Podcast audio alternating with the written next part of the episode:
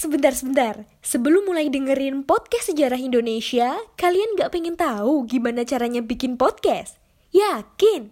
Gak susah kok. Coba deh download Anchor Podcast. 100% mudah, 100% gratis.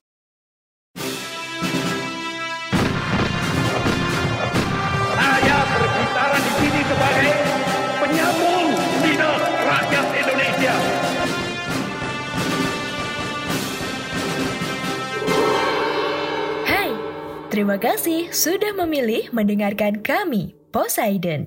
Podcast yang bikin kalian gagal move on. Halo Sobat Poseidon, kita ketemu lagi di podcast sejarah Indonesia bareng saya Saifuddin Alif yang kali ini saya mau bahas soal revolusi Amerika. Ini adalah salah satu revolusi besar dalam sejarah dunia karena menginspirasi banyak sekali revolusi-revolusi yang lain termasuk revolusi Prancis. Jadi revolusi Prancis itu terinspirasi dari revolusi Amerika yang meskipun ya sebelum revolusi Prancis ini membantu Amerika dalam melakukan revolusi melawan Inggris tetapi mereka malah kena batunya. Mereka juga kena revolusi dari dari rakyatnya setelah itu kan. Oke jadi revolusi Amerika Serikat ini adalah revolusi kolonial Inggris yang terjadi pada tahun 1765 sampai 1783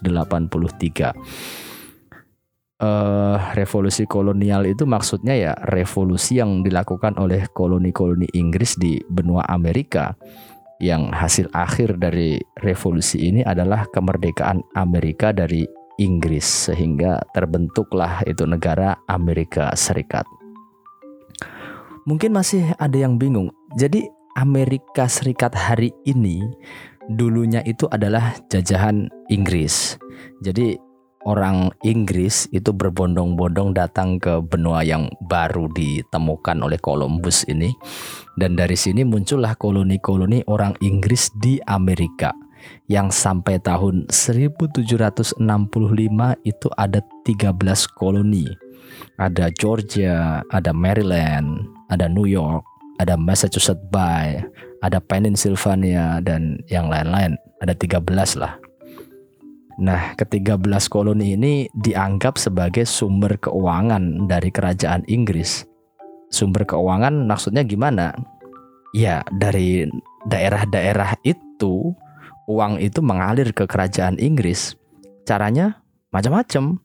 Dari monopoli dagang sampai soal pajak yang mesti disetor ke Inggris. Dan pajaknya ini nggak tanggung-tanggung ya. Apa aja dipajekin. mulai dari pajak gula, ada pajak kopi, ada pajak anggur, sampai puncaknya itu adalah pajak ke semua bahan yang dicetak untuk tujuan komersil.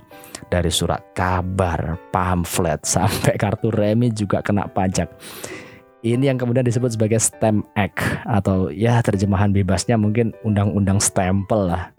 Ya meskipun mereka orang Inggris juga awalnya, cuma kalau diperlakukan kayak gitu ya jengkel juga kan lama-lama.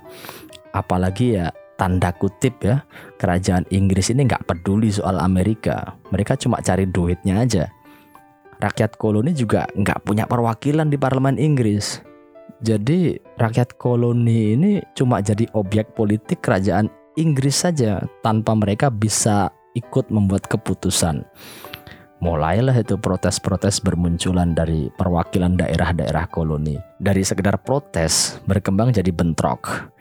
Awal bentrokan terjadi di Boston tahun 1770. Kalau kejadian di Boston ini penembakan ya sebetulnya, bukan cuma bentrokan aja. Penembakan oleh militer Inggris ke rakyat sipil yang ya awalnya sih ledek-ledekan aja, cuma kemudian berujung ke penembakan. Terus ada juga kejadian, kejadian uh, Boston Tea Party atau pesta teh Boston tahun 1773. Tiga tahun setelah penembakan yang terjadi di Boston itu.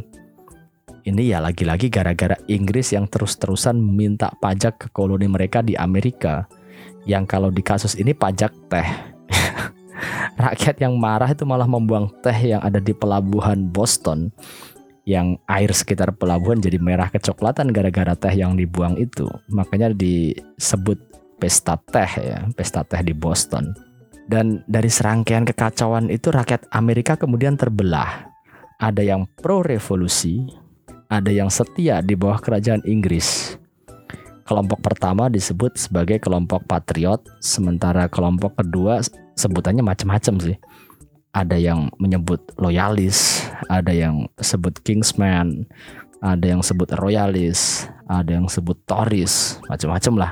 Yang intinya mereka ini kelompok yang pro kerajaan Inggris. Dari sini kelompok patriot dari 13 koloni kemudian membentuk tentara sendiri yang dipimpin oleh George Washington yang disebut dengan istilah tentara kontinental. Tentara ini terus berkembang ya, dan terus melakukan pertempuran dengan tentara kerajaan Inggris. Kemenangan awal terjadi di Lexington dan Concord tahun 1775, kemudian disusul di Boston tahun 1776 dan berhasil mengusir tentara-tentara Inggris, tentara kontinental ini. Baru kemudian disusul kemenangan-kemenangan di daerah lain. Dan setelah itu ada Kongres Kontinental tanggal 2 Juli 1776 yang menyatakan bahwa Raja George atau Raja Inggris ketika itu adalah tiran. Seorang diktator yang menginjak-injak hak koloni warga Inggris di Amerika. Dan kemudian mereka mendeklarasikan koloni Amerika sebagai negara bebas dan merdeka pada 2 Juli 1776 itu.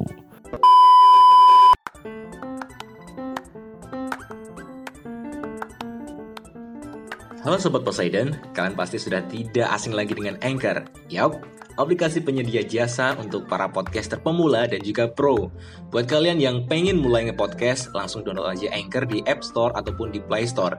Di sana, kalian bisa nge-podcast dengan banyak banget pilihan background musik. Setelah itu, kalian bisa mempromosikan podcast kalian ke mana pun. Secara otomatis, nanti akan di-sharekan oleh Anchor sendiri. So, tunggu apa lagi? Cus, nge-podcast bareng Anchor.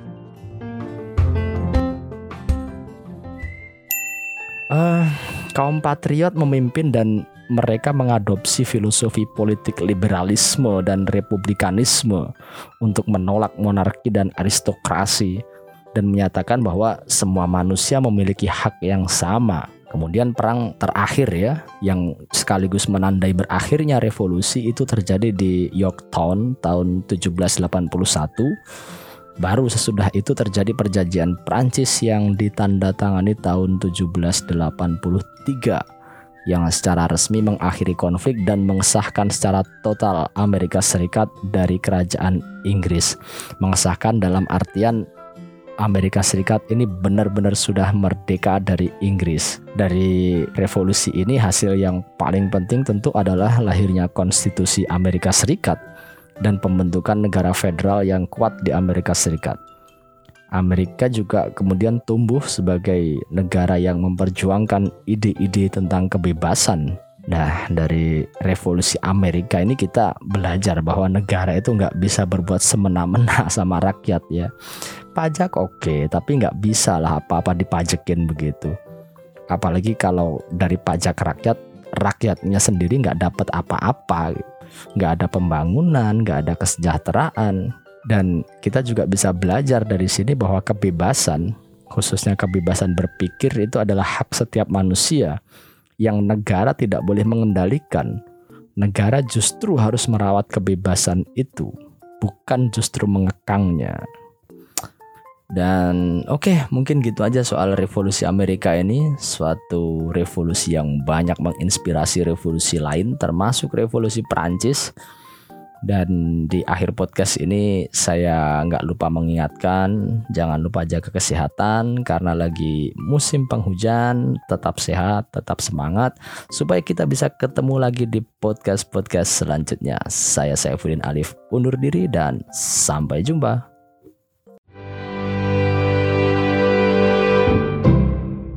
Kasih.